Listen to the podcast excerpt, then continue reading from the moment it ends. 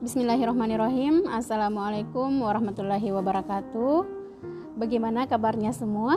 Ibu harap kalian semua dalam keadaan sehat walafiat Baik, hari ini kembali bertemu pada mata kuliah modifikasi perilaku Dan hari ini kita akan membahas tentang konsep perilaku Ibu pikir kalian semua tidak asing lagi dengan kata perilaku. Bahkan setiap keseharian kalian, kalian melakukan suatu perilaku. Namun pada pertemuan hari ini kita akan mengulas lebih jauh tentang apa itu perilaku. Oke, baik. Yang pertama, pengertian perilaku. Perilaku itu adalah segala sesuatu yang dikatakan dan dilakukan oleh manusia. Jadi apa yang kita katakan, apa yang kita lakukan itu masuk ke dalam konsep perilaku. Namun perlu juga kita garis bawahi bahwa ada beberapa hal yang tidak masuk ke dalam konsep perilaku. Yang pertama adalah uh, diagnostik. Diagnostik itu tidak masuk ke dalam sebuah perilaku. Misalnya ada seorang anak yang didiagnostik menderita ADHD, yang didiagnostik menderita autis, tunalaras dan sebagainya. Jadi ADHD, tunalaras dan autis ini tidak masuk ke dalam bentuk atau konsep sebuah perilaku. Begitupun dengan sifat kepribadian. Misalnya seorang anak eh, dikatakan cantik atau dikatakan tampan, kaya dan miskin, ini juga tidak masuk ke dalam konsep perilaku. Jadi sifat-sifat kepribadian ini tidak masuk ke dalam konsep perilaku. Berbeda halnya ketika kita mengatakan anak ADHD itu sering menangis. Nah, menangis di sinilah yang masuk ke dalam perilaku. Tapi anak ADHD tidak masuk ke dalam konsep perilaku. Selanjutnya, Kelompok perilaku, pada dasarnya perilaku terbagi atas dua kelompok. Yang pertama adalah perilaku yang bersifat overt atau terbuka, dan yang kedua adalah perilaku yang bersifat covert atau tertutup. Perilaku overt ini adalah perilaku yang nampak atau perilaku yang dapat dilihat, perilaku yang dapat diamati. Misalnya apa? Misalnya kita berlari, berjalan, menangis, berteriak, ini semua adalah perilaku-perilaku yang nampak atau bisa diamati oleh orang lain. Kemudian yang kedua adalah perilaku covert.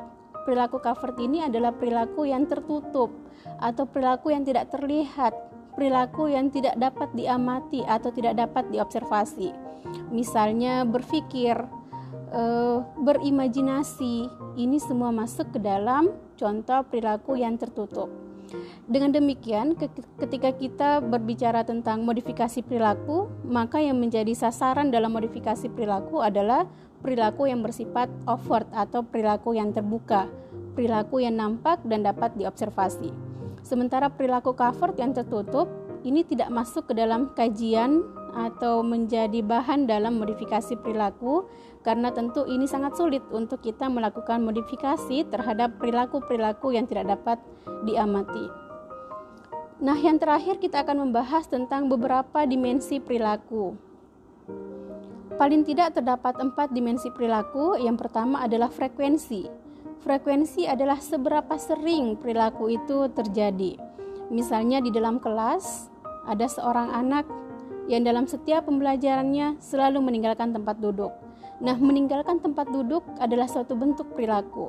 Ketika kita ingin melihat frekuensi dari perilaku tersebut, maka kita akan menghitung seberapa sering anak meninggalkan tempat duduk pada saat pembelajaran berlangsung.